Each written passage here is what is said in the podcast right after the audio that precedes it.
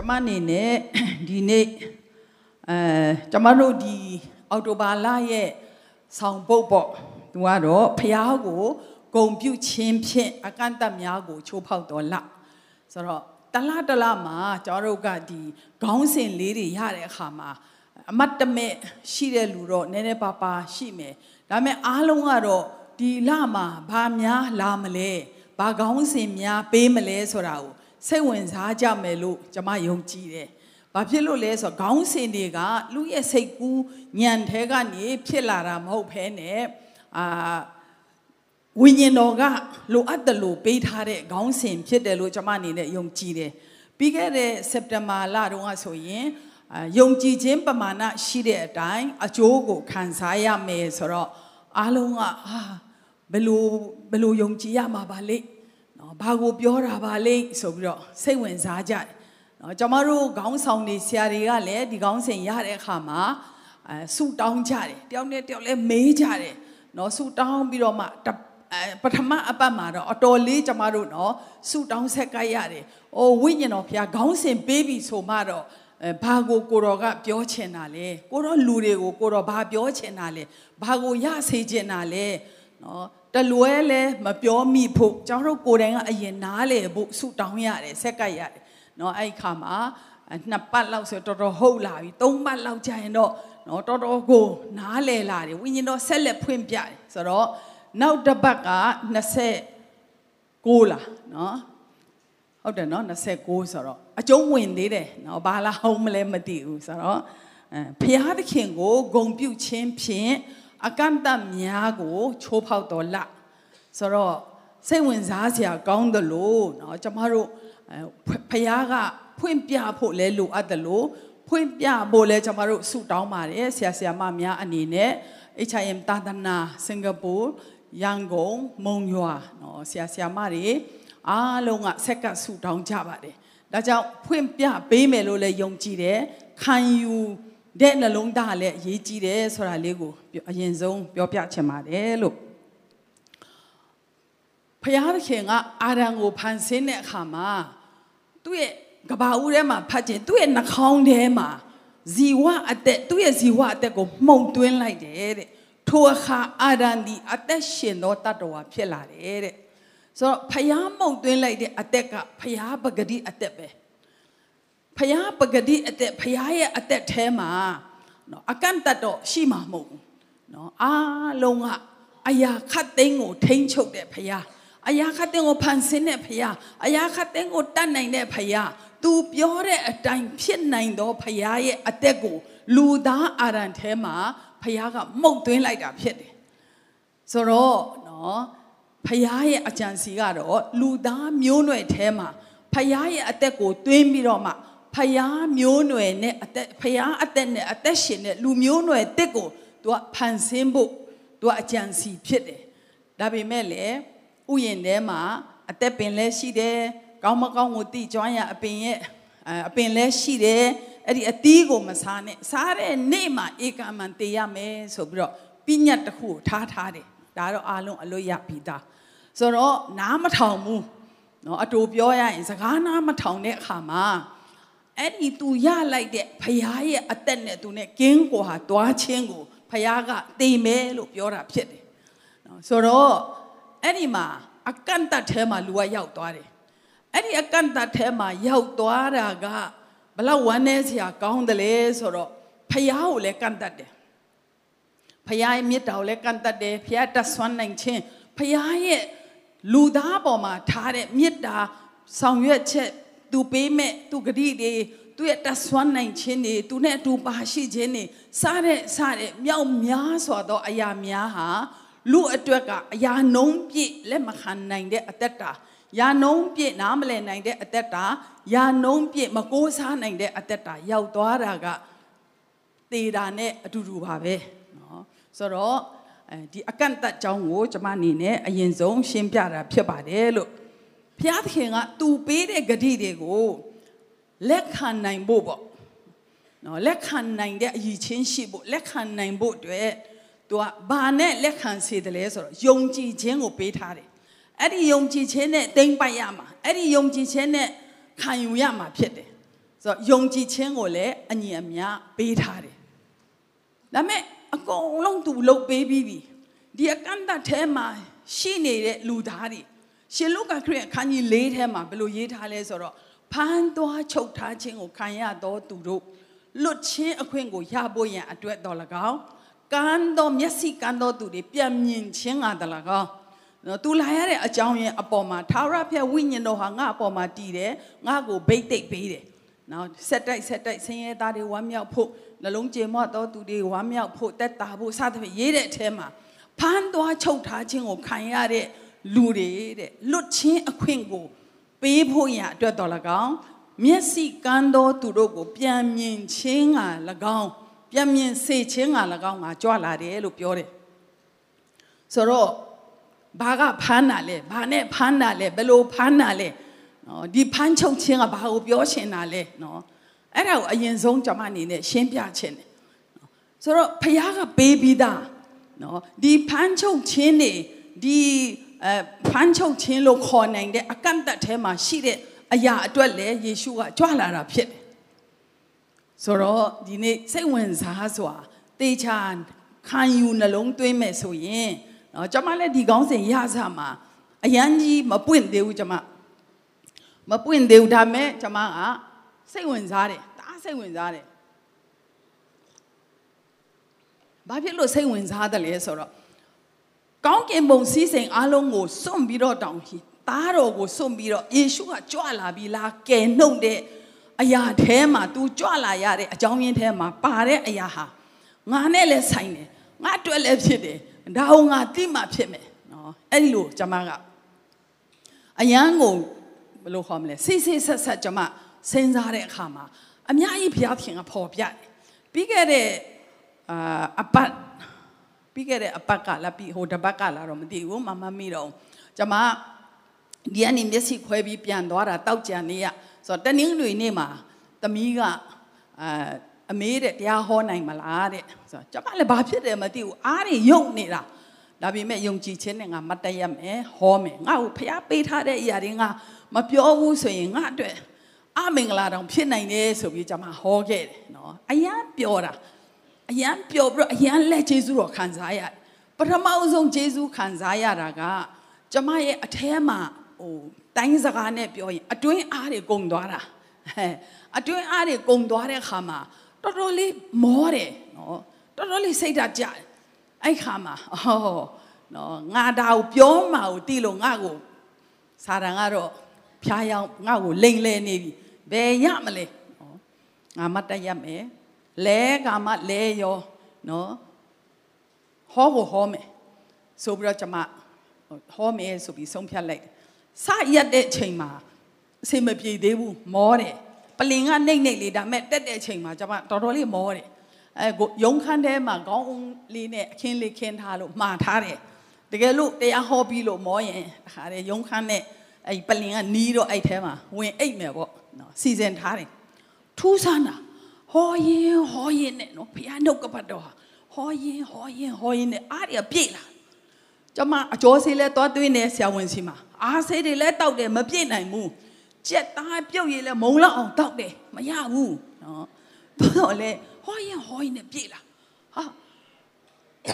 ထူးဆန်းလိုက်လားသမီးတို့ကပြောတယ်ကျမတို့ဆရာဆရာမတွေဆရာမရဲ့အတန်ကပိုးပိုးကျဲလာတယ်တဲ့နော် အစောတော့ကတော့နည်းနည်းနေတော့ဆရာမဘာဖြစ်မလဲဆိုတော့နော်သူတို့ကတော့ဆရာမကြီးခေါ်ကြတယ်ဆရာမကြီးအခေါ်ခံရဖို့ကတော့နဲတဲ့အဖိုးခါပေးရတယ်မဟုတ်ဘူးလို့ခေါ်ကြလို့ကျွန်မခေါ်ကြခေါ်ကြအဲ့ပါခေါ်ကြအဖိုးခါအများကြီးပေးထားရတာလို့ပြောတော့သူတို့ရည်ကြတယ်နော်ဆိုတော့အတန်ကမြင့်မြင့်မြင့်မြင့်လာတယ်တဲ့အဲ့နဲ့ပြီးလဲပြီးရောဟာအိတ်ဖို့မပြောနဲ့အာခုံမယ်ကမယ်ဆိုရင်တော့မှနော်ဖြစ်နိုင်တယ်နော် အဲ့ပလင်းမှာအဲ့ဒီလေကားဘယ်နှထစ်လောက်ရှိမလဲမသိဘူးအဲ့ဒီမှာကျွန်မမစင်းတော့ခုံချပလိုက်တာနော်အတမင်တကခုံတာမဟုတ်အားရှိလွန်းလို့လေဆင်းမနေတော့ခုံချလိုက်တာအဲ့နဲ့တို့ပြေးလာကြတာတခါထူးဆန်းနေပေါ့နော်ဒါကြောင့်နှုတ်ကပတ်တော်ဟာဖရာသခင်ဖြစ်ပါတယ်ဖရာသခင်ဒီလဲနှုတ်ကပတ်တော်ဖြစ်တယ်နှုတ်ကပတ်တော်ထဲမှာဖန်ဆင်းခြင်းတကိုဖန်တီးနိုင်သောတကိုလည်းရှိတယ် အာမင်ဟာလေလုယာအဲ့မှာကျွန်မအောက်ကိုရောက်တဲ့အခါကျွန်မဘာထပ်သဘောပေါက်လိုက်တယ်လဲဆိုအော်ဖယားသခင်ဟာနှုတ်ကပတ်တော်ဖြစ်တယ်နှုတ်ကပတ်တော်ဟာဖယားဖြစ်တဲ့အတွက်ကြောင့်နှုတ်ကပတ်တော်ကိုဝန်ခံတဲ့အခါတိုင်းမှာဖယားဂုဏ်ပြုတာဖြစ်တယ်အာမင်ဟာလေလုယာအော်အဲ့ဒီမှာကျွန်မအစ်စ်သဘောပေါက်လိုက်တယ်ဟောပြီးသားဖြစ်တော့ပြန်တက်လို့လည်းမဖြစ်တော့ဘူးအာရမ်းပြောတာ ရန်ကုန်ကြရင်ငါပြောမယ်အဲ့ဒါ HBC ရောက်တော့ငါထပ်ပြောမယ်အဲ့ဒီဥစ္စာနော်ဆိုတော့ဝန်ခံခြင်းကနော်ဘလောက်တကိုးကြီးတယ်လဲဆိုတော့နော်ကျမရဲ့မိနစ်ပိုင်းနာရီပိုင်းအတွင်းလေးမှာပြောင်းလဲသွားတာပြောင်းလဲပြီးတော့မှအဲ့ဒီကနေပြီးတော့ကျမနည်းနည်းနော်နော်အားကုန်တာမဟုတ်ဘူးနော်ရန်ကုန်တော့ငါမလာမသွားနိုင်တော့ဘူးမြေးလေးကိုလည်းငါကြည့်နိုင်မှာမဟုတ်ဘူးနော် ငါသွားရမယ်ခရီးစဉ်ကတော့မသွားနိုင်တော့တော့ဘူးလို့တော့ကျမကကျမထင်တာကလေးတွေကမေးတယ်ဆရာမတွေကမေးတယ်ဘယ်တော့သွားမှလဲနေပါအောင်နေပါအောင်နော်ဒါမဲ့သွားနိုင်လွန်းလို့နော်ဒီနေ့မနေ့ပိုင်းဖျားချခိုးတဲ့အချိန်မှာတော်တော်များများကဟာဆရာမကြီးလမ်းဆန်းလာတယ်နော်တဲ့ကျမ်းပါတယ်တကယ်လမ်းဆန်းတယ်တကယ်အားပြည့်တဲ့ပုံပဲလို့ကျမဟုတ်တယ်လို့ပြောလိုက်တယ်အာမင် အဲ့ဒီလောက်အထိနော်ချက်ချင်းကိုပြောင်းလဲစေနိုင်တာကဘုရားရဲ့နှုတ်ကပတ်တော်ဖြစ်ပါတယ်ဟာလေလုယာဟာလေလုယာဒါကြောင့်ဖယားသခင်ကိုဂုံပြုရဖို့အကောင်းဆုံးကတော့နှုတ်ကပတ်တော်ဖြစ်တဲ့ဖယားဖယားဖြစ်တဲ့နှုတ်ကပတ်တော်ကိုကျမတို့ကအလေးထားပြီးတော့ကိုယ့်ရဲ့ခံစားရတဲ့အခြေအနေထဲမှာနစ်မြုပ်မသွားဘဲနဲ့အဲ့ဒီနှုတ်ကပတ်တော်ကိုဇွဲကင်လိုက်တဲ့အခါမှာ ကျမ်းစာမှာပါတဲ့ဗျာဒိတ်ထဲမှာအနှဲငယ်သောခွန်အားနဲ့သင်ဟာနှုတ်ကပတ်တော်ကိုစောင့်ရှောက်တဲ့အတွက်ကြောင့်တဲ့အဘယ်သူမျှမပိတ်နိုင်သောတကားကိုသင်ရှေ့မှာငါဖွင့်ထားတယ်တဲ့အာမင်ဟာလေလုယာဟာလေလုယာနော်ဒါကြောင့်နှုတ်ကပတ်တော်အားဖြင့်အသက်ရှင်ခြင်းလို့ဆိုကြတဲ့ကနှုတ်ကပတ်တော်ကိုစန့်ကျင်ခြင်းနဲ့မိမိအသွေးသားအခြေအနေအဲ့ဓာတွေကချက်ချင်းသူတို့ကမတ်တရက်လာတယ်ဒါပေမဲ့နှုတ်ကပတ်တော်ထက်တကိုးကြီးတာမရှိဘူး အာမင်နှုတ်ကပတ်တော်ဟာဖခင်ရဲ့ဉာဏ်ပညာလည်းဖြစ်တယ်။ဒါကြောင့်တုတ်တန်ကျမ်းထဲမှာဘယ်လိုရေးထားလဲဆိုတော့ဖခင်ကနော်သူ့ကိုယ်သူဉာဏ်ပညာတည်တဲ့မြို့တကားဝမှာမြင့်တော့အရက်မှာလူတွေကိုခေါ်တယ်တဲ့ငါ့ကိုရှာပါတဲ့မင်းတို့ငါ့ကိုတွေ့တဲ့အထိရှာဆမ်းပါတဲ့ငါ့ကိုမင်းတို့တွေ့တယ်ဆိုရင်တဲ့မင်းတို့ကချီးမြှောက်ခြင်းကိုခံရမယ်တုတ်တန်ခန်းကြီး၄ထဲမှာကျွန်မအဲ့ဒါကို အဲဖတ်ပြရတဲ့အခါမှာအယံဝမ်းမြောက်တယ်နော်အဲငါစကားကိုတုတ်တန်ခန်းကြီးလေးအငယ်လေးအောက်လောက်မှာငါစကားကိုတင်ဤနှလုံး၌သွင်းမိ၍ငါပညာတော့ကိုဆောင်းလျှောက်သဖြင့်အသက်ရှင်လောပညာကိုစီးပူးလောဉာဏ်ကိုစီးပူးလောတတိမလစ်စီနဲ့ငါဤနှုတ်ထွက်စကားကိုမလွဲမရှောင်နဲ့ပညာကိုမစွန့်နဲ့သူသည်တင့်ကိုထိမ့်သိမ့်လိမ့်မည်သူ့ကိုချစ်လောတင့်ကိုစောင်းမလိမ့်မည် ပညာသည်အမျက်ဆုံးသောအရာဖြစ်၏ပညာကိုစီးပူးလောစီးပူးသမျှဥစ္စာတို့တွင်ဉာဏ်ကိုစီးပူးလောသူ့ကိုအမျက်ထားလောသူသည်တင့်ကိုချီးမြှောက်လိမ့်မည်သူ့ကိုဖဲ့ရန်လင်ဂုံအသေးကိုပေးလိမ့်မည်တေးခေါင်းကိုတင့်တဲ့သောဥယျာဉ်နှင့်ပတ်ရ၍ဘုံကြည်သောတရဖူကိုအနံလိမ့်မည်အာမင်နှုတ်ကပတ်တော်ဟာအကြောင်းအရာတစ်ခုမဟုတ်အသက်ရှိတယ် ပုံကိုယ်တစ်ပါးအနေနဲ့ပြောနေတာဖြစ်တယ်အာမင်အခုတင်ရတဲ့ပညာကိုပြောတာမဟုတ်ဘူးဖခင်ကိုသိသောပညာဖခင်နှုတ်ကပတ်တော်ကိုသိနိုင်သောဉာဏ်အဲ့ဒီဉာဏ်ကိုစီးပူးပါတဲ့စီးပူးသမျှဥစ္စာထဲမှာအဲ့ဒီဉာဏ်ကိုစီးပူးပါတဲ့သူကတင့်ကိုချီးမြှောက်မယ်တဲ့တင့်ကိုကာကွယ်မယ်တဲ့တင့်ကိုတရဖူကိုအနှင်းမယ်တဲ့ဟာလေလုယာနော်အဲ့ဒီစကားတွေကိုရတဲ့အခါမှာကျွန်မစိတ်ထဲမှာအော် ငါတို့ယုံကြည်သူလို့ခေါ်တဲ့ယုံကြည်သူတွေအမှုဆောင်တွေလည်းပါတာပါပဲနော်နှုတ်ကပတ်တော်ကျွန်တော်တို့နှုတ်ကပတ်တော်အပေါ်မှာထားတဲ့သဘောထားတွေကိုကျွန်မစိတ်ထဲကနေမှန်းကြည့်တဲ့အခါမှာနော်ကျွန်မကစနော်ဖခင်က तू ပြောလဲတဲ့စကားတော့ပြောတဲ့အတိုင်းဖြစ်တယ်သူရဲ့ဂတိကလည်းပေးတဲ့အတိုင်းဖြစ်တယ်ဒါပေမဲ့ကျွန်မတို့ကခံယူတဲ့အခါမှာနော် အကျွေးမဲ့ဒီထဲကိုမရောက်နိုင်ကွယ်လွန်သွားပြီဖြစ်တဲ့ကျမအမျိုးအမျိုးသားကတရားဟောခါနီးမှာကျမ်းစာကိုမှဒါဟာငါကျမ်းစာအုပ်ဖြစ်တယ်သူပြောတဲ့အတိုင်းငါဖြစ်တယ်သူကတင့်မှာရှိတယ်လို့ပြောတဲ့အရာအလုံးငါပိုင်ဆိုင်တယ်ကျမတို့ကိုဝန်ခံခိုင်းတယ်အဲ့တော့အပတ်တိုင်းသူသူပဲဟောတာပါကျမလည်းညင်းညင်းနေတော့သူပဲဟောတာအပတ်တိုင်းဝန်ခံခိုင်းတယ် ဒါပေမဲ့ तू ပြောတဲ့အတိုင်းငါဖြစ်တယ်လို့လေကျမတို့အထဲမှာရောက်မလာဘူးသင်တို့ဒီယေရှုခရစ်တော်ကိုယုံကြည်တဲ့အတွက်ဖခင်သားဖြစ်တယ်အမွေခံနေဖြစ်တယ်ဒါပေမဲ့ဖခင်ဖြစ်ဖခင်သားဖြစ်ခြင်းရဲ့သဘောတွေမရောက်နိုင်ဘူးကျွန်မဆက်စဉ်းစားတဲ့အခါမှာနော်ဒဏ်ချက်တော့ကြောင့်တင်တို့ဒီအနာရောဂါပျောက်လျက်ရှိပြီလို့ပြောပေမဲ့ဖျားတာနဲ့ချက်ချင်းဘယ်ဆရာဝန်တော်မလဲဘယ်ဆေးခန်းတော်မလဲနော်ယုံကြည်ခြင်းမရှိနိုင် ယေရှုခရစ်တော်ဒီစီးစိမ်ရှိတော်လဲဆင်းရဲခံတော်မူခြင်းကတင်တို့ချမ်းသာဖို့အတွက်ဖြစ်တယ်လို့ကျမ်းစာမှာပြောပေမဲ့လည်းအဲ့ဒီဆင်းရဲခြင်းကိုပဲဖက်တွယ်နေတယ်ဆိုတော့ဘာကြီးလဲအဲ့ဒါကနော်အဲ့တော့ကျမ်းစာမှာကျမ်းစာမှာဘယ်လိုရေးထားလဲဆိုတော့ကျွန်မအာပြင်ဆင်ထားတဲ့အခါမှာတွေ့ရတဲ့အရာပေါ့နော်ဆိုတော့မာကြီးနဲ့မာတာ ယေရှုနဲ့အတူတူရှိနေတာစားအိမ်ကောက်အိမ်ပေါ့သူတို့မောင်ကလာဇယုတနေ့မှလာဇယုကဖျားပြီးတော့တေရောသူကအဲ့ဒီနားလေးမှာရှိနေတာတပည့်တော်တွေနဲ့အကြောင်းကြားတယ်အာလာဇယုအပြင်းဖျားနေတယ်အမြန်လာပါမသွားဘူးတေတယ်တေပြီးမှတကြိုပြီးမှယေရှုကသွားတာအဲ့ခါမှာနော်အဲ့ဒါကဘယ်ထဲမှာလဲဆိုတော့ရှင်ယောဟန်ခရစ်ဝင်အခန်းကြီး အာ21ရှင်ယောဟန်ထိုးပေးလို့လွယ်မလားမသိနော်ရှင်ယောဟန်ခန်းကြီး7အငယ်21မှာနော်မာတာကယေရှုကလာပြီအဲ့တော့အပြေးလေးသွားကြိုတယ်သခင်နဲ့ကိုတော်ရှိတော်မူလင်ကျမ၏မောင်မသေးပါတဲ့ယခုတေလျက်ရှိတော်လဲကိုတော်သည်ဘုရားသခင်ကိုဆုတောင်းတော်မူသမျှအတိုင်းဘုရားသခင်ပေးတော်မူမယ်ကိုကျမယုံကြည်ပါသည်ဟုရှောက်တယ်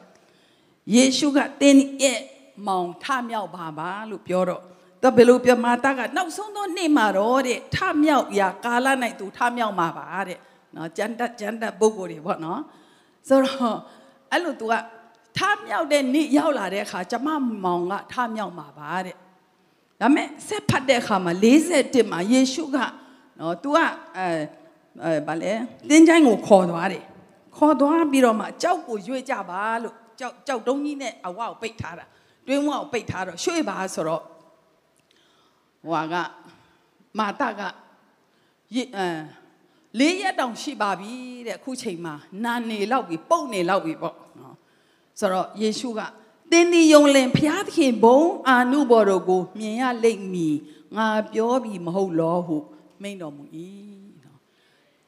ယေရှုနဲ့အတူတူရှိနေတာကိုတော့ကျမမောင် မတေခင်မှာကိုတော့ရောက်လာရင်တော့ရှင်ပါပါနော်အကန့်တတ်ထဲမှာကျတော့ဘယ်လောက်ရှိတယ်လဲအကန့်တတ်ထဲမှာကျတော့ဘယ်လောက်ရှိနေတယ်လဲဆိုတာနော်ယေရှုနဲ့အတူဇာတိအဖြစ်ဆိုပါတော့အတူတူရှိနေတာတောင်မှနော်သူပြောတဲ့စကားအခုအချိန်ယခုချိန်အတွက်မယုံကြည်နိုင်ဘူးပြဿနာကကျမတို့ကယုံကြည်ပေမဲ့တစ်ချိန်ချိန်မှာတော့ဖြစ်လာမှာပေါ့ ဒါပေမဲ့ယုံကြည်ခြင်းဆိုတာယခုအချိန်အတွက်ယုံကြည်ရတာဖြစ်တယ်အာမင်ကောင်းကင်နိုင်ငံမတိဝလေတည်တဲ့ခါကျမှသိရမှာပေါ့အဲ့ဒါယုံကြည်ခြင်းမဟုတ်သေးဘူးမတည်သေးပေမဲ့အခုတည်ငါရောက်မယ်လို့ယုံကြည်တာကမှယုံကြည်တာဖြစ်တယ်ဟာလေလုယာဟာလေလုယာအခြေအနေကဆင်းရဲနေတယ်ဘာမှမရှိဘူးယေရှုခရစ်တော်ကဆင်းရဲခဲ့ပြီးတဲ့အတွက်ကြောင့် ငါကချမ်းသာတော်သူဖြစ်တယ်ချမ်းသာတဲ့စိတ်ကဒီတဲ့ကိုအရင်ရောက်လာမှချမ်းသာတဲ့လက္ခဏာတွေချမ်းသာတဲ့ကောင်းကြီးတွေရောက်လာမှအာမင်ဟာလေလုယာတစ်ချိန်ချိန်မှာဖြစ်လာနိုင်ပါတယ်ဆိုတာယုံကြည်ခြင်းမဟုတ်မျော်လင့်ခြင်းဖြစ်တယ်မျော်လင့်ပေမဲ့နှုတ်ကပတ်တော်မျော်အားဖြင့်မျော်လင့်တာမဟုတ်တဲ့အတွက်ကြောင့်ဖြစ်လာမှာမဟုတ်ဘူးမောယုံပဲရှိအဲ့တော့အဲ့ဒီမှာနော် အဲ့ဒီထောင်ချောက်မှာမိကြတယ်ယုံကြည်သူမြောက်များစွာဟာနော်သူသူ့ကိုသူယုံကြည်တယ်လို့လည်းသူယူဆတယ်ဒါပေမဲ့ယခုချိန်အတွက်မယုံကြည်တဲ့အခါမှာတခါတစ်ချိန်ချိန်မှာဖြစ်လာလိမ့်မယ်ငါမျော်လင့်တယ်ဒါမဲ့သူမျောလင့်တာကနှုတ်ကပတ်တော်ကအားဖြင့်မျောလင့်တာမဟုတ်တဲ့အတွက်ဆာရန်ကကြားဝင်ပြီးတော့ပိုဖြက်စီးတဲ့အခါမှာကျတို့ချင်းတောင်မှာငါချမ်းမာပြီငါချမ်းသာပြီဆိုတော့မပြောရဲတော့ဘူးတဲ့ အဲ့ဒီလိုပြောတဲ့လူတွေကပို့ပြီးတော့ဆင်းရဲကြတယ်တဲ့ပို့ပြီးတော့အသက်တိုကြတယ်တဲ့ငါတို့မပြောရဲတော့ဘူးဆိုပြီးတော့ကျွန်တော်တို့တီးတယ်ဘက်မှာအဲ့လိုကိုပြောကြတာဒါကစာရန်ရဲ့လက်ဖြားခြင်းတစ်ခုဖြစ်တယ်လို့အခြေခံကြကြယုံကြည်ခြင်းအုံမြင့်မခိုင်လို့နှုတ်ကပတ်တော်အားဖြင့်အသက်မရှင်လို့ဖြစ်တယ်ဆိုတာနှစ်ပေါင်းများစွာကြာမှသိရတယ်။ဒါကြောင့်မို့ကျမတို့ကငါဘာကန့်တမမရှိဘူးလို့မပြောပါနဲ့။ဖခင်နှုတ်ကပတ်တော်က ကျမတို့ကိုပြောပြီဆိုရင်ယခုအချိန်အတွက်မျောလင့်သောຢာတို့ကိုမျက်မှောက်ပြုခြင်းဖြစ်တယ်။မမြင်ရသေးသောຢာတို့ကိုစိတ်ချမြင်ရပြီတကယ်တော့စိတ်ချတာ။အာမင်။အဲ့ဒါယုံကြည်ခြင်းကိုပြောတာနော်။ဒါကြောင့်မို့မာယိမာတနော်သူတို့နှစ်ယောက်စလုံးကတကယ်ယေရှုကိုအဲ့ခံကြွေးမွေးတော်သူတွေဖြစ်တယ်။လာဇရုသူတို့မောင်သိသွားတယ်။နော်ယေရှုကထမြောက်မှာပါလို့ပြောတော့ထမြောက်တဲ့ကာလရောက်ရင်တော့ထမြောက်မှာပေါ့။ အော်ဆိုပြီးတော့သခင်ရှုဟာတင်သည်တဲ့ဘုရားသခင်ရဲ့အဲယေရှုကလည်းတင်းဒီယုံကြည်ရင်ဘုရားသခင်ဘုံအာနုဘော်တို့ကိုမြင်ရမယ်လို့ငါပြောပြီးမဟုတ်လောတဲ့ယခုအချိန်အတွက်မင်းယုံကြည်စမ်းပါအခုပြန်လဲရှင်မယ်လို့မင်းယုံကြည်ပါမင်းယုံနေဆိုရင်ဘုံတော်ကိုမြင်ရမယ်တဲ့ဒါကြောင့်ကျွန်မတို့ကယုံကြည်ခြင်းနဲ့အသက်ရှင်ခြင်းဆိုတာလေနားလေသဘောပေါက်ဖို့လိုအပ်တယ်လို့ ကျွန်မအနေနဲ့ဒီချိန်မှာပြောချင်ပါတယ်လို့ဒါနဲ့နော်ရှင်မကိုခန်းကြီး7အငယ်23မှာဘယ်လိုရေးထားပြန်လဲဆိုတော့ကျမတို့ရဲ့အခြေအနေတွေကိုကျမကမြင်နိုင်အောင်ပြောပြတာပါဖះဖော်ပြတဲ့အတိုင်းအဲ့တော့ရှင်မကို7 22လောက်မှာအာယေရှုကလည်းသင်တို့ဒီဖျားခင်ကိုယုံကြည်ခြင်းရှိကြလောငါအမှန်ဆိုသည်ကအကျဉ်သူသည် ယုံမာသောစိတ်နဲ့ကင်း၍နော်စကြရဲအစကြရဲနော်ယုံမာသောစိတ်နဲ့ကင်း၍မိမိဆိုသည့်အတိုင်းဖြစ်မိဟုယုံကြည်လျက်ထိုတောင်ကိုနေရာမှ၍လောပင်လယ်၌ကြလောဟုဆိုလင်ထိုသူဆိုသည့်အတိုင်းဖြစ်မယ်ကဲနော်တောင်ထက်မကမြင့်မားတဲ့ပြဿနာတွေကြုံဘူးတဲ့လူအများကြီးရှိမှာပါအားလုံးလိုလိုကကြုံဘူးမှာပဲဆိုတော့ အဲ့ဒီတောင်ကြီးအဲ့ဒီပြဿနာကြီးရွေ့ဖို့အတွက်နံပါတ်1ကနော်နံပါတ်1ကအာယုံမားသောစိတ်နဲ့ကင်း၍ငါတောင်းတော့တောင်းတယ်ဖြစ်လာပါမလားဆိုတော့တောင်းနေတာစိတ်ထဲကဖြစ်လာပါမလားဖြစ်လာပါမလားဖြစ်နိုင်မလားယုံမားသောစိတ်နဲ့ကင်း၍နော်ပြီးတဲ့ခါပါလဲမိမိဆိုသည့်အတိုင်းဖြစ်မိဟုယုံကြည်လျက်နော်ဟာနတ်ဆိုတဲ့ကိုနေထောက်အထွက်ကြနော် မနေ့အဲတောက်ကြနေ့ကနော်ကျမနဲ့အတူ10နှစ်ကျော်လောက်နေတဲ့မော်တယ်ဆိုတာရှိတယ်။သူစင်ကာပူမှာခဏဆက်ကင်ဒိုစီကလေးမွေးလို့တော့ကူညီဖို့လွှတ်လိုက်တာ။ဟိုမှာလည်းနေသိပ်မကောင်းဘူး။ပြန်လာတယ်အဲနည်းနည်းနည်းနည်းချင်းသူဖျားပြီးတော့အာကြာတပရေးနေ့မှာသူတော်တော်လေးကိုဖျားနေတာ။အဲတောက်ချာနေ့သူ့အိယာလေးနည်းနည်းရွှေ့ပေးမယ်ပေါ့အောက်ကအေးလို့ဆိုမတ်တက်ရက်ခိုင်းတော့သူကလဲလဲလာတယ်ခေါင်းမူလားဆို ပြီးတော့လဲတော့ကျွန်မလဲကျွန်မလက်နဲ့ပွေထားလိုက်တယ်သူ့ရဲ့ခေါင်းကိုတာမန်တလင်းနဲ့ထိမှဆိုလို့အိမ်မှာကဆက်ဆံပြီးရှိတယ်အဲတမီခက်ခက်ရှိတယ်ဟိုကောင်းမလေးနည်းနည်းရှိတယ်ဆိုတော့ဆက်ဆံပြီးအဲ့ခမ်းမှာနားနဲ့ကျွန်မကသူ့ကိုပွေလိုက်တော့သူကမျက်ဖြူကဆိုင်လာမျက်ဖြူဆက်အမဲမမြင်ရတော့မျက်ဖြူကဆိုင်လာဟာဆိုခေါင်းကိုချလိုက်တော့တုံးကဟာ ကျမအတွေ့အကြုံရှိတယ်ကျမအမျိုးသားအသက်ထွက်ခံနီးမှာအဲ့လို၅ချိန်နော်အသက်ငင်နေခေါ်မလားအဲ့လိုပြီးတော့သူကခေါင်းကအဲ့လိုဖြစ်သွားတာဆိုတော့ဟာခေါင်းကကြီးတာတေးပြီးငါလူကတော့နော်ဟိုမှာလဲကလေးနာမည်တက်ဖို့နော်လူတွေဖိတ်ထားတယ်အနှဲငယ်ပေါ့အဲ့ခါမှာကျမကချက်ချင်းអော်တာဘာမလို့ရောချင်းလို့ယေရှုအသွေးတော်ဇီရှုစစ်ဆန် ယေရှုအသွေးတော်အပြင်ရွေးပဲချင်းခံရတဲ့ငါတို့စာရမင်းနဲ့ငါတို့နဲ့မဆိုင်ဘူးမင်းရဲ့တေခြင်းရဲ့တကိုးတွေမင်းတကိုးတွေယေရှုကလက်ဝါးကားတိုင်းမှာဖျက်ဆီးပြီးသားဖြစ်တယ်မင်းနဲ့ငါတို့နဲ့လုံးဝမဆိုင်ထွက်ဒီနေရာနဲ့မင်းလုံးဝမဆိုင်တော့အော်တယ်ဟေးဘာမလို့ရောချင်းလို့ရောအော်တာအဲ့ဒါနဲ့အဲ့လိုအော်တဲ့ခါကျတော့သူ့ရဲ့မျက်လုံးလေးဖွင့်လာတော့ဒီကအမဲကပေါ်လာဟာလေလုယာဟာလေလုယာကျမတို့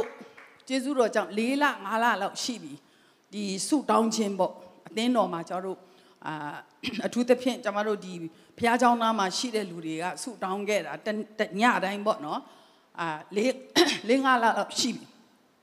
ကျွန်မအထဲမှာအသွေးတော်ယေရှုရဲ့အသွေးတော်တကိုးကိုကျွန်မအမြဲတမ်းချီးမွမ်းတယ်အဲ့ဒီအသွေးတော်ကြောင့်ရတဲ့နော်ဖြောင်းမခြင်းတွေအဲ့ဒီအသွေးတော်ကြောင့်ရတဲ့ ဖျားသားဖြစ်ရခြင်းတွေစာရန်နိုင်ငံကနေလွတ်မြောက်ရခြင်းတွေတေခြင်းရဲ့တကိုးတွေအားလုံးကောလောသဲထဲမှာယေရှုကလက်ဝါးကားတိုင်းမှာအကုန်ဖြည့်ဆည်းပြီးတော့လူစီဖာရဲ့ခေါင်းကိုသူနင်းချိတ်ခဲ့ပြီးသားဖြစ်တယ်ညတိုင်းကြောတို့ဝန်ခံတယ်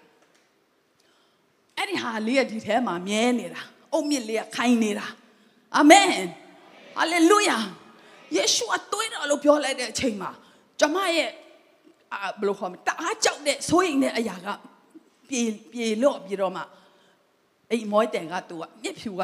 လုံးဝအမဲမရှိတော့ဘူးအဖြူပဲမျက်မျက်ဖြူစိုက်တယ်ဆိုတော့အဲ့ဒါကောင်းကောင်းမြင်ရတယ်နော်အသက်ထွက်ဖို့ပဲနော်သုံးချိန်အဲ့မှာဟာဆိုပြီးကျမလည်းယေရှုရဲ့အသွေးတော်နော်ယေရှုရဲ့အသွေးတော်ဟာတဘောတရားမဟုတ်ဘူးနော်ယေရှုရဲ့အသွေးတော်ဟာကျမတို့ရဲ့ဘဝတလောကလုံးစာရန်ကြိုက်တယ်လို့လှုပ်ပြီးသားလှုပ်ခဲ့ပြီးသားအရာအလုံးကို ပြောင်းပြန်လန့်ပြီးတော့မှအသက်ဖြစ်စေတဲ့အာမင်ဟာလေလုယာစာရန်အကြောက်ဆုံးကယေရှုရဲ့အသွေးတော်ဖြစ်တယ်အာမင်ပတ်တခါညမှာတိုးတငယ်ရဲ့အသွေးအားဖြင့်အီဂျစ်တိုင်းပြည်ကနေဂျုံခါရတိုင်းပြည်ကနေသူတို့လွတ်မြောက်လာတာကတစ်ချိန်မှာယေရှုရဲ့အသွေးတော်ကကျွန်တော်ကျမတို့ကိုဖုံးအုပ်ပြီးတော့ဆေးကြောပြီးတော့မှစာရန်ရဲ့ကြုံပြုတ်ခြင်းကနေလွတ်မြောက်ရတဲ့ တေခြင်းရဲ့တကူကနေလွတ်မြောက်ရတဲ့အကြောင်းရင်းကယေရှုရဲ့အသွေးတော်ဖြစ်တယ်ဟာလေလုယာဟာလေလုယာအသင်းတော်တော်တော်များများကတဲ့စာအုပ်တော်မှာယေရှုရဲ့အသွေးတော်အကြောင်းကိုမပြောကြတော့ဘူးတဲ့ယေရှုရဲ့အသွေးတော်ကိုပဲစာရန်ကကြောက်တာဖြစ်တယ်တဲ့အာမင်နော်အကြောင်းဒီနေ့မှာကြီးမားသောဘာလို့ရမှမသိတော့အရေးပေါ်ဖြစ်လာပြီယေရှုရဲ့အသွေးတော်ကိုအမိပြုပါထိုအသွေးတော်ကတာလင် စာရန်ကိုနိုင်တာဖြစ်ပါတယ်လို့အာမင်အာမင်အဲ့တော့အခုတော့အဲ KBC ဆေးရုံမှာဒေါက်တာနီကီရဲ့အကူအညီနဲ့သူ့ကိုဆေးရုံတင်ထားတယ်အဲဆရာဝန်တွေကတော့သူဖြစ်တာဟာကြာပြီတိုက်ဖိုက်ဖြစ်မယ်ဒါပေမဲ့တိုက်ဖိုက်ကအမျိုးမျိုးရှိတဲ့အတွက်ပိုးတွေကိုမွေးထားတယ်အဲဆိုတော့အခုထိကတော့တော်တော်လေးသူဖြစ်နေသေးတယ်ဒါပေမဲ့ကျွန်မယုံကြည်တယ်တေချင်းရဲ့တကူတေချင်းရဲ့တေချင်းကိုအစိုးရတော့ လောကရဲ့မင်းကိုယေရှုကနိုင်ပြီးသားဖြစ်တယ်လို့ကျမတို့ကိုသူ့ရဲ့အသွေးတော်နဲ့သူကရွေးဝယ်ထားပြီးသားဖြစ်တယ်အာမင်ဟာလေလုယာပတ်တခါညမှာအိမ်ထဲမှာရှိတဲ့လူတွေဟာဘယ်လိုအကျင့်ကျင့်တယ်လဲလို့မမေးတော့ဘူးအဲ့ထဲမှာရှိတဲ့လူအားလုံးရဲ့လွတ်မြောက်ခြင်းကသူတို့ရဲ့ထုတ်တမ်းမှာရေးထားတဲ့ဆွဲအဲတုတ်ထားတဲ့ရေးအဲတိုးတငယ်ရဲ့အသွေးကြောင့်ဖြစ်တယ်အာမင် စာရန်ကချင်းချောက်တယ်မင်းတို့ဒီလိုအပြစ်ရှိလို့ဒီလိုဒီလိုဒီလိုချင်းချောက်တယ်ယေရှုရဲ့အသွေးတော်ကအာမင်ကျမတို့ကိုဖုံးအုပ်ထားတယ်အပြစ်မှဖုံးအုပ်ခြင်းနဲ့သာဝရဖျားအပြစ်တင်ခြင်းနဲ့ကင်းလွတ်တော်သူတို့ဟာမင်္ဂလာမင်္ဂလာရှိတော်သူတွေဖြစ်တယ်တဲ့အပြစ်မရှိလို့မဟုတ်အသွေးတော်ကဖုံးအုပ်တဲ့အခါဖျားကတောင်မှမင်္ဂလာရှိတော်သူလို့ကျမတို့ခေါ်တာဖြစ်တယ်အာမင်ဘယ်လောက်ဝမ်းမြောက်စရာကောင်းတယ်လဲနော် ဒါကြောင့်တချို့ကယေရှုတော်ချီးမွမ်းသူတို့ကဘာရလို့သူတို့ကဘာအောင်မြင်လို့ချီးမွမ်းတာလဲအဲကျမတော်တော်ဒေါသထွက်တယ်နော်ဤတေလာလူမျိုးတွေထာဝရဘုရားသခင်ရဲ့ကယ်တင်ခြင်းကျေးဇူးကိုမကိုးစားကြတဲ့အတွက်ဘုရားရဲ့အမျက်ကသူတို့ပေါ်မှာတည်ပြီးတော့ထွက်လာတဲ့အချိန်မှာထွက်လာတဲ့အဲထွက်လာတဲ့အချိန်မှာပါလာတဲ့လူတွေလမ်းမှာတေးတာအဲ့ဒီမှာလမ်းမှာမွေးတဲ့လူတွေကပဲခါနန်တိုင်းပြည်ကိုဝင်စားသွားတာဖြစ်တယ်အာမင် ဒါကြောင့်သူ့ရဲ့ကယ်တင်ခြင်းကျေးဇူးတွေဒီလောက်များပြားတာငါတို့ချီးမွမ်းရင်နော်ချီးမွမ်းလို့မကုန်နိုင်ဘူးစာမေးပွဲအောင်မဘွဲရမအဲဗာလဲဟိုပိုက်ဆံလေးအစင်ပြေမဒါမှမဟုတ်အကျွေးချေမဒါတွေကတော့အသေးပွင့်နေပါဖခင်ရဲ့ယေရှုအားဖြင့်ကျမတို့ကိုကယ်တင်ခြင်းကျေးဇူးဟာနေ့တိုင်းချီးမွမ်းရင်တောင်မှမကုန်နိုင်ဘူးလို့ကျမပြောပြပါတယ်ဟာလေလုယာ ဟာလေလုယာနော်ချီးမွမ်းမယ်ဆိုတကယ်နော်ချီးမွမ်းလေလေချီးမွမ်းစရာများလေလေပဲဒါကြောင့်ချီးမွမ်းခြင်းဟာတကယ်တကိုးကြီးတာနော်အာမင်ဒီချီးမွမ်းခြင်းကိုနော်ကျမတို့ချီးမွမ်းတဲ့အခါဖះကိုဂုံပြုတ်တာဖြစ်တယ်ဖះဂုံပြုတ်တဲ့အခါဖះကနင့်သက်တယ်သူ့ရဲ့ဘုံတော်ကသူ့ရဲ့မျက်မှောက်တော်ကသူ့ရဲ့ဘုံတော်ကကျွန်တော်တို့စီမှာကြာလာတယ်ဒါကြောင့်ချီးမွမ်းခြင်းဟာဖះရဲ့ဘုံတော်ကိုတွေ့ယူခြင်းလည်းဖြစ်ပါတယ် အာမင်ဒါကြောင့်ဒါဝိကတော့တနေ့မှာခုနှစ်ကြိမ်ချီးမွမ်းတယ်တဲ့သူဒုက္ခရောက်ဆုံးအချိန်အယူကြီးလို့ဂူထဲမှာအောင်းနေရတဲ့အချိန်သူ့ရဲ့သားတွေသူလိုက်ခံရတဲ့အချိန်မှာတောင်မှငါဟာတဲ့သာဝရဖျားကိုအစင်မပြတ်ချီးမွမ်းမယ်တဲ့အာမင်ဟာလေလုယာချီးမွမ်းစရာမရှိဘူးနော်ဒါပေမဲ့သူကအစင်မပြတ်ငါချီးမွမ်းမယ်တဲ့ချီးမွမ်းခြင်းဟာဖျားကိုဂုဏ်ပြုခြင်းဖြစ်တဲ့အတွက် ဘာရမှညာရမှမဟုတ်ဘဲနဲ့သူ့ရဲ့မေတ္တာသူ့ရဲ့ကယ်တင်ခြင်းကျေးဇူးတွေကိုကျွန်မတို့ချီးမွမ်းမယ်ဆိုရင်နော်သူ့ရဲ့ထောက်ပံ့တဲ့ကျေးဇူးကွယ်ကာတဲ့ကျေးဇူးတွေမင်းတို့နဲ့အတူငါရှိမယ်ဆိုတဲ့ဂတိတော်တွေအလာနော်မမြင်နိုင်တဲ့ယောဂါပိုးတွေအမျိုးမျိုးနဲ့ကွယ်ကာခြင်းတွေများပြားလာတဲ့သူ့ရဲ့ကယ်တင်ခြင်းကျေးဇူးတွေဒီအချိန်မှာကျတော့မုံရွာဆိုရင်ပို့ပြီးတော့မှနော်နားလေသဘောပေါက်ကြတယ်နော် ဆိုတော့ချီးမွမ်းတဲ့အခါတိုင်းမှာဖယားကိုဂုဏ်ပြုခြင်းဖြစ်တယ်ဖယားကိုဂုဏ်ပြုလေလေသူ့ရဲ့ဘုန်းတော်သူ့ရဲ့တဆွမ်းနိုင်ခြင်းသူ့ရဲ့မေတ္တာကကျွန်တော်တို့အထဲမှာပို့ပြီးတော့ပြည့်ရှံလာတာဖြစ်တယ်ဟာလေလုယာဟာလေလုယာနော်အဲ့တော့အကျဉ်သူဟာတဲ့ယုံမာသောစိတ်နဲ့ကင်း၍မိမိဆိုသည့်အတိုင်းဖြစ်မည်ဟုအဲဆိုလို့မိမိဆိုသည့်အတိုင်းဖြစ်မယ်လို့အာ ယုံကြည်လျက်ထိုးတောင်းကိုနေရာမှ၍ပင်လယ်၌ကြလို့ဆိုရင်ပြောပြောတဲ့အတိုင်းဖြစ်မယ်ဆိုတော့ကျမတို့ကနော်ပြောရင်တောင်မှမဖြစ်လာဘူးအဲ့တော့အဲ့ဒီအကန့်အသတ်ထဲမှာကျတို့ရှိနေတာဘယ်လောက်နော်ခံပြင်းစရာကောင်းတယ်လေဖះအကုန်လုံးကဲတင်ပြီးပြီအကုန်လုံးလုပ်ပေးပြီးပြီကျမတို့ကနော်ကျမဖះဘက်ကတော့ပြဿနာမရှိဘူးကျမတို့ဘက်ကဖះကိုကန့်တတ်နေတာဒါကြောင့်ရှင်လုကာထဲမှာနော်ကျမတို့ အဲတွေ့ရပါတယ်အဲ့ဒီမှာရှင်လုကာခရစ်ဝင်အခန်းကြီးอืมအခန်းကြီး7နှစ်အငယ်49မှာနော်ငါဟာတဲ့ဗတ္တိဇံတစ်ခုကိုငါခံစရာရှိသေးတယ်တဲ့ယေရှုကထိုဗတ္တိဇံကိုမခံမီတိုင်အောင်ငါသည်အလွန်ညင်းငွေ့သောစိတ်ရှိတဲ့အဲ့ဒါဘာပြောတာလဲဆို तू ကဒီအကန့်အသတ်ရှိတဲ့လူသားတွေကိုကယ်တင်ဖို့လာတာဖြစ်တဲ့အတွက်ကြောင့် အကန့်အသတ်ရှိတဲ့လူစားတိကိုခံပြီးတော့မြေကြီးပေါ်မှာကြွလာတာဖြစ်တယ်ဒါမဲ့ तू ကဒါကိုငါမပြောဘူးတဲ့ညင်းငွေ့တယ်တဲ့နော် तू तू ပြောချင်တာကလက်ဝါးကားတဲ့ပေါ်မှာ तू အသေးခံမယ်တကြိုချင်းခံမယ်ပြီးတဲ့အခါရှင်ပြန်ထမြောက်မယ်ရှင်ပြန်ထမြောက်တဲ့နောက်ပိုင်းမှာသူ့ကိုသေချင်းကလည်းမကန်တတ်နိုင်တော့တဘာဝတရားလို့ခေါ်တဲ့အခြေအနေတွေကလည်းသူ့ကိုကန်တတ်လို့မရတော့ ။ သူကနေရာတိုင်းမှာရောက်နိုင်တယ်အရင်တုန်းကကပေရန်အောင်မှာရှိရင်သူကအာဂျေရီခေါမှာမရှိနိုင်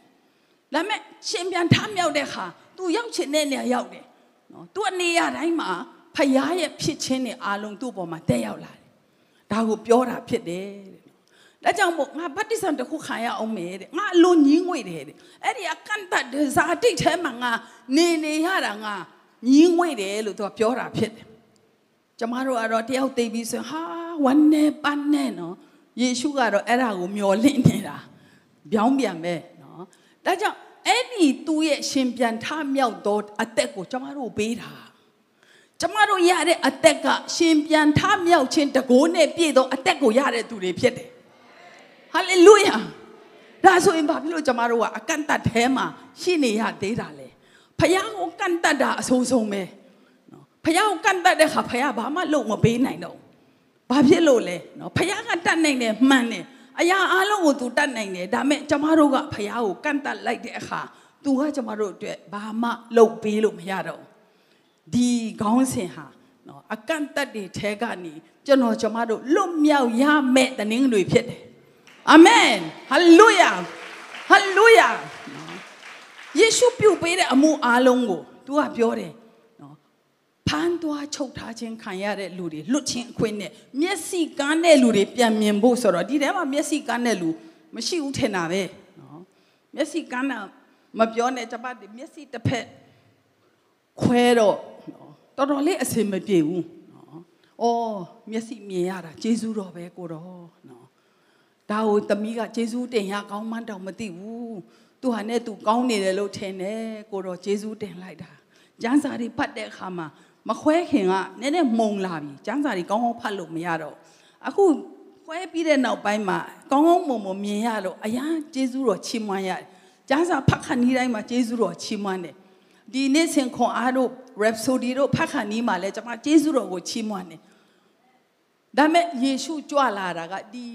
ဇာတိမျက်စိမြင်ဖို့လဲပါမှာပေါ့လေဝိညာဉ်မျက်စိမြင်ဖို့ဖြစ်တယ်အာမင်ဟာလေလုယာ ဝိညာဉ်မျက်စိမြင်မယ်ဆိုရင်တော့ကျမတို့ဘာကမှကျမတို့ကိုကန့်တတ်နိုင်မှာမဟုတ်တော့ဘူးအာမင်သူတတ်နိုင်တဲ့အကြောင်းသူကျမတို့ကိုတိတ်ချစ်တဲ့အကြောင်းကျမတို့အတွက်အကုန်လုံးသူအဖိုးခပေးချေပြီးသားဖြစ်တဲ့အကြောင်းကိုမြင်ရမယ်သိရမယ်ဆိုရင်တော့ကျမတို့ဘဝတွေကဘလောက်ထိကောင်းစားမလဲဘလောက်ထိဖခင်ရဲ့တက်တည်ဖြစ်မလဲဆိုတာကျတို့မှန်းလို့တောင်မှမရတဲ့အခြေအနေဖြစ်ပါတယ်လို့ဒါကြောင့် နော်ကျွန်တော်ကျမတို့ဒီလိုဆိုရင်အဲ့ဒီအကန့်အသတ်ထဲနေကျမတို့ဘယ်လိုလွတ်မြောက်မလဲ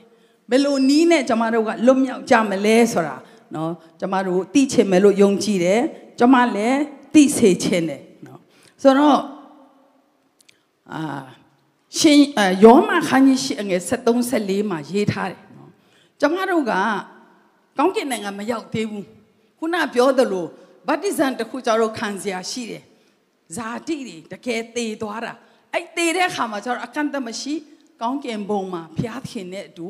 ဆန်စားရမှာဖြစ်တယ်ဒါပေမဲ့ဒီလောကအတွက်လေယောမအခန်းကြီး၈အငယ်အာ73မှာဘယ်လိုရေးထားလဲဆိုတော့သင်တို့ဒီဇာတိပဂရိတိုင်းအသက်ရှင်လင်တည်ရကြမယ်ဝိညာဉ်တော်အားဖြင့်ကိုယ်ကာယ၏အကျင့်တို့ကိုတည်စေလင်အသက်ရှင်ကြမယ်တဲ့အာမင်ကိုယ့်ဟာကိုယ်တော့ကျင့်လို့မရဘူး ဒါပေမဲ့ဝိညာဉ်တော်ပေးထားတယ်ဖခင်ကအဲ့ဒီဝိညာဉ်တော်အားဖြင့်တဲ့ကန့်တတ်ထားတဲ့သင်တို့ရဲ့ဇာတိထဲကနေတေချင်းနဲ့ဆိုင်တဲ့သင်တို့ရဲ့ကန့်တတ်တဲ့အရာကနေမင်းတို့လွတ်မြောက်မယ်လို့ယောမကျမ်းထဲမှာရေးထားတာဖြစ်ပါတယ်သင်တို့ဒီငါပညာတွေကိုစောင့်ရှောက်မယ်ငါစကားကိုနားထောင်မယ်ငါစကားကိုမင်းတို့နားခံမယ်လိုက်ရှောက်မယ်ဆိုရင်တဲ့ မင်းတို့ရဲ့ပုတ်ပြတ်တတ်တဲ့ကိုယ်ခန္ဓာပင်လင်ဘုံအသေးနဲ့ပြည့်တဲ့ကိုယ်ခန္ဓာဖြစ်မယ်တဲ့အာမင်တမန်တော်တွေဖြစ်တဲ့တပည့်တော်တွေဖြစ်တဲ့သူတွေရှင်ဘောလူတို့နော်သူကနေရာတကာမသွားနိုင်ဘူးခုလိုလေရင်လည်းမရှိဘူးအဲ့တော့ဟိုးပဲရွာတွေဟိုးပဲမြို့တွေနော်မကြမ်းမာတဲ့လူတွေသူ့ရဲ့လက်ကင်ဘွားလေးကိုကောင်းကြီးပေးပြီးတော့ပေးလိုက်တယ်အဲ့ဒီလက်ကင်ဘွားကိုထိတဲ့ကင်တဲ့လူကကြမ်းမာခြင်းရရှိကြတယ် အာမင်အာမင်ကျမတို့လည်းဖခင်ကအဲ့ဒီလိုဖြစ်စေချင်တာအထူးသဖြင့်ဒီနောက်ဆုံးသောကာလမှာအဲ့ဒါကိုယုံကြည်သူလို့ခေါ်တဲ့ကျမတို့အတွက်ဖခင်ကအဲ့ဒါကိုဖြစ်စေချင်တာအာမင်အာမင်ပုတ်ပြတ်တတ်တဲ့ဒီအသွေးအသားတေချင်းနဲ့ဆိုင်တဲ့ဇာတိပဂတိရဲ့နော်ဒီအင်္ဂါတွေကိုပင်လင်းတဲ့ဘုံအတိရှိသောကိုခန္ဓာတွေဖြစ်စေမယ်တဲ့ ဟာလေလုယာဟာလေလုယာယေရှုကမင်းတို့ငါ့ကိုယုံနေဆိုရင်တဲ့ငါပြုတ်တော်မှုတွေကိုပြုတ်နိုင်မယ်တဲ့ထိုးထက်တာ၍ကြီးတော်မှုတွေကိုပဲလေမင်းတို့ပြုတ်နိုင်မယ်တဲ့အာမင်ပေတရုတို့သွားတာနေရောင်ထဲမှာသူ့အရေးကိုနင်းမိတဲ့လူတွေယောဂပြောက်ဟာနော်အဲ့ဒီခက်ကကုံသွားတာမဟုတ်ဘူးလက်ရှိကိုဖြစ်နေနိုင်သေးတာအာမင်ဟာလေလုယာမ နေ့ကနဲ့ပေါင်းရင်2000နီးပါးလောက်ကျွန်တော်တို့ရှိတတ်ပါတယ်နော်အဲ့ဒီလူတွေထဲမှာနော်100လောက်ကဒါမှမဟုတ်900လောက်ကနော်အဲ့ဒီအကန့်တတ်တဲ့လူဖះကိုကန့်တတ်တဲ့ဖះတကိုမစည်းစင်းနိုင်လောက်အောင်ဖះကိုကန့်တတ်တဲ့ကန့်တတ်ခြင်းတွေပြတ်သွားမယ်ဆိုရင်ပျက်စီးသွားမယ်ဆိုရင်အမလီနော်အလုတ်တွေရှုပ်ပြီးတော့မှနော်ဟိုကလည်းဟာမကြမ်းမာတော့သူတွေ နော်လာပါအောင်အဒီမှာလည်းဆုလာတောင်းပေးပါအောင်နော်မိသားစုထဲမှာပြဿနာရှိတယ်အာကိုယ့်ရဲ့အကိုတွေရှိမယ်အဖေမေရှိတယ်ဟာလာပါအောင်သမီးရဲ့လာပါအောင်တာရဲ့ငါတို့ဒီလိုဖြစ်နေပြီအာဟိုဘက်ကလည်းဝေး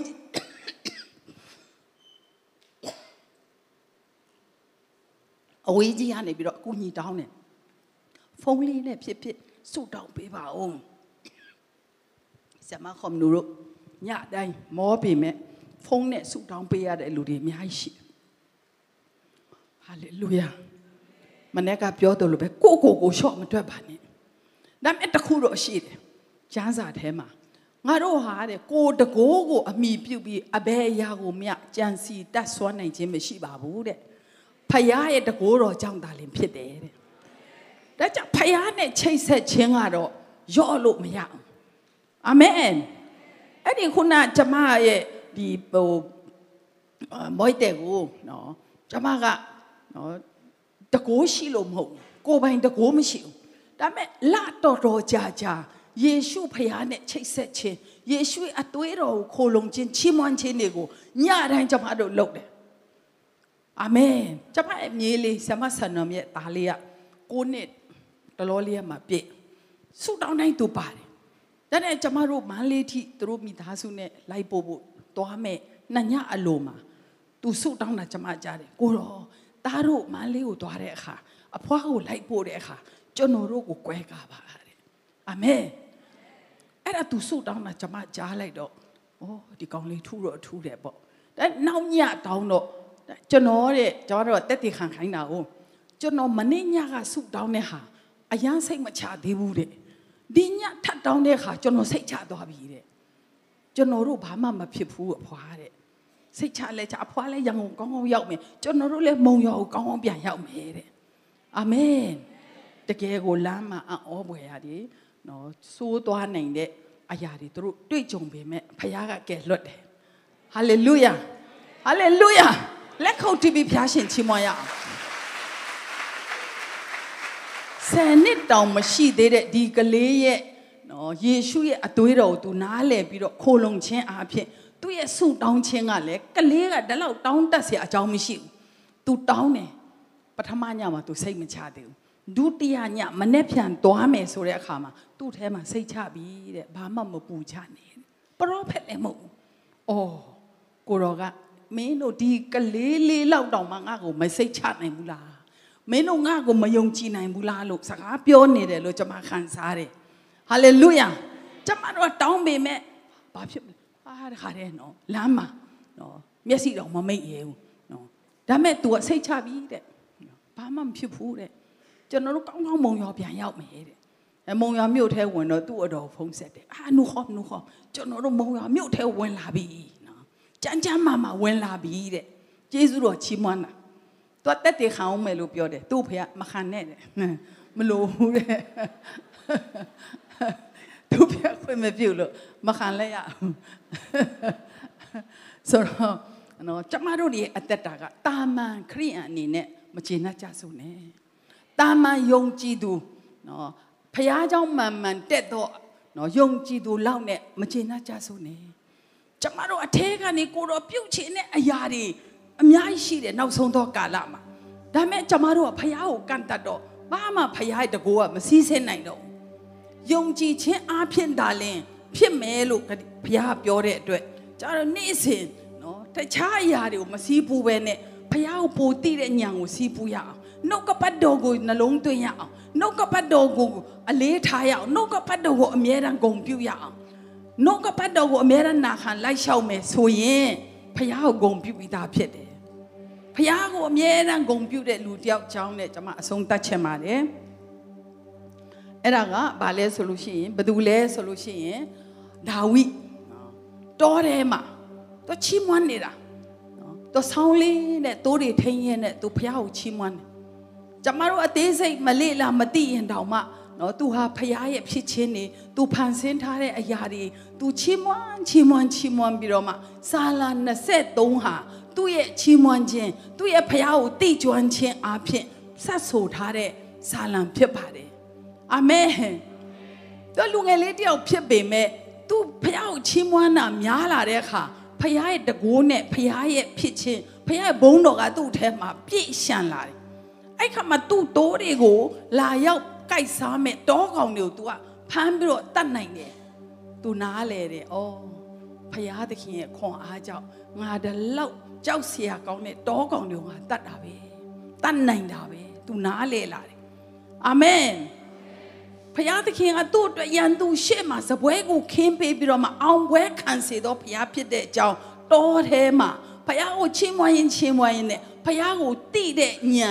ဖျားကိုယုံကြည်ကိုးစားနိုင်တဲ့ယုံကြည်ခြင်းကတာယူတိုးတက်လာတယ်။ဒါကြောင့်မကြခင်မှာကျင်းပမဲ့ worship conference ကိုနော်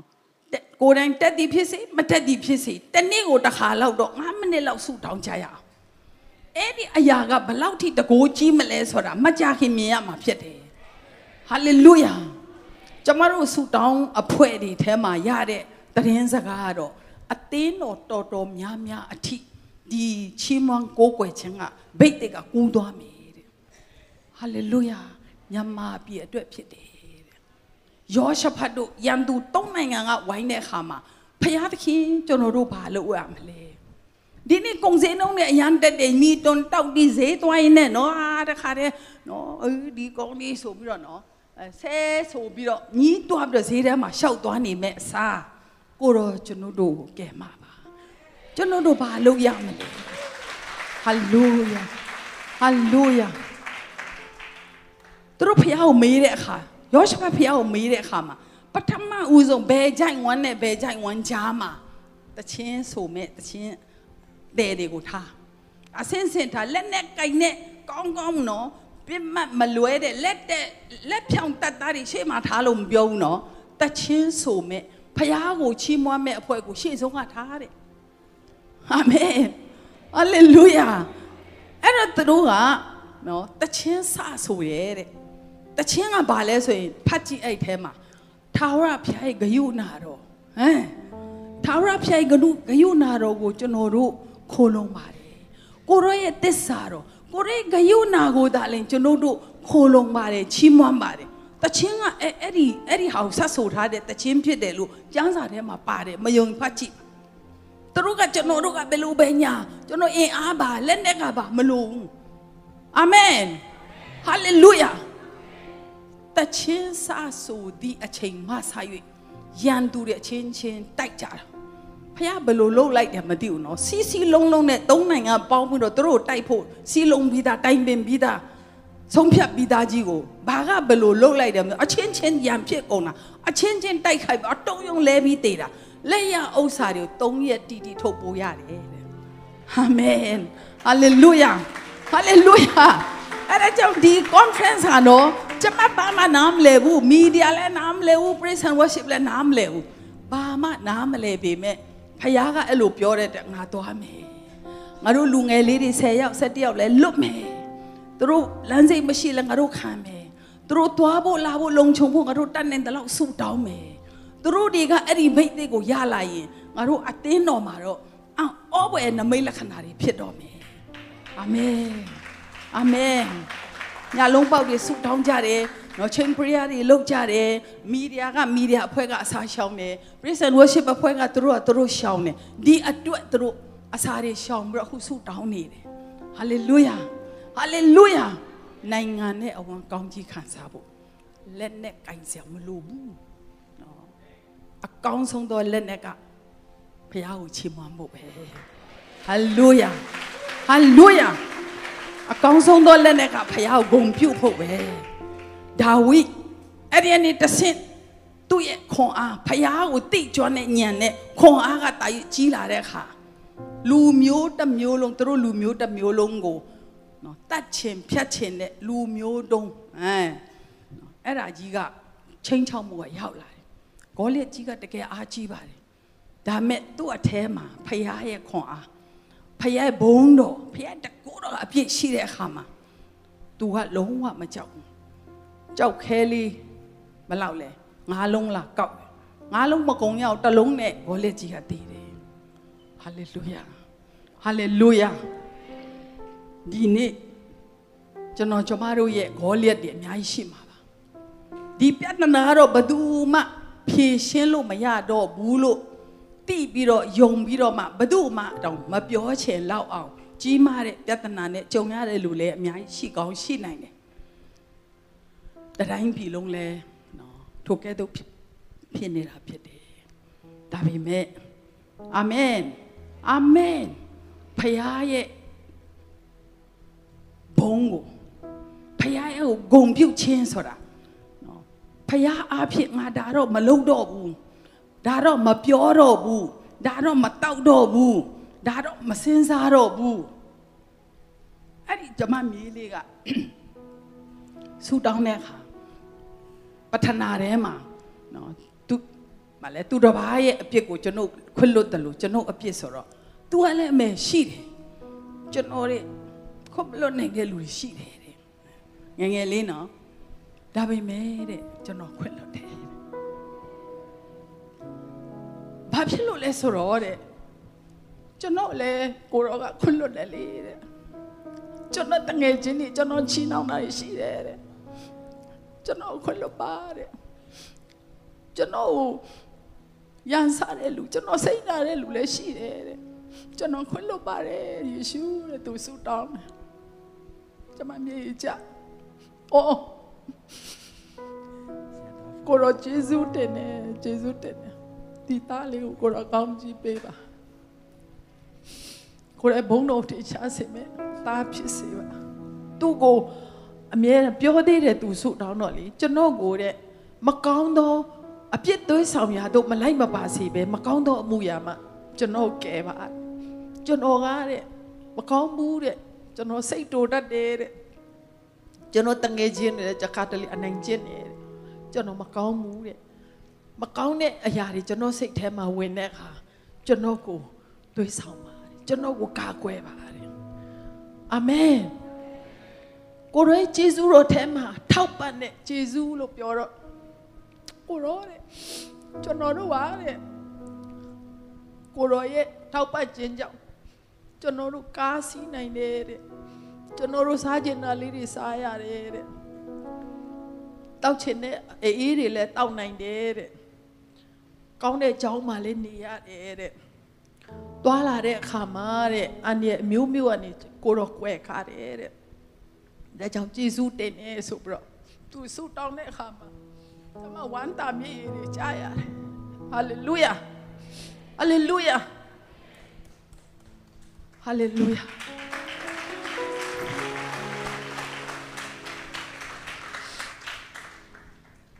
ဒါကြောင့်ကလေးကဲ့သို့ဖះကိုယုံကြည်ရအောင်ကလေးကဲ့သို့နှိမ်ချရအောင်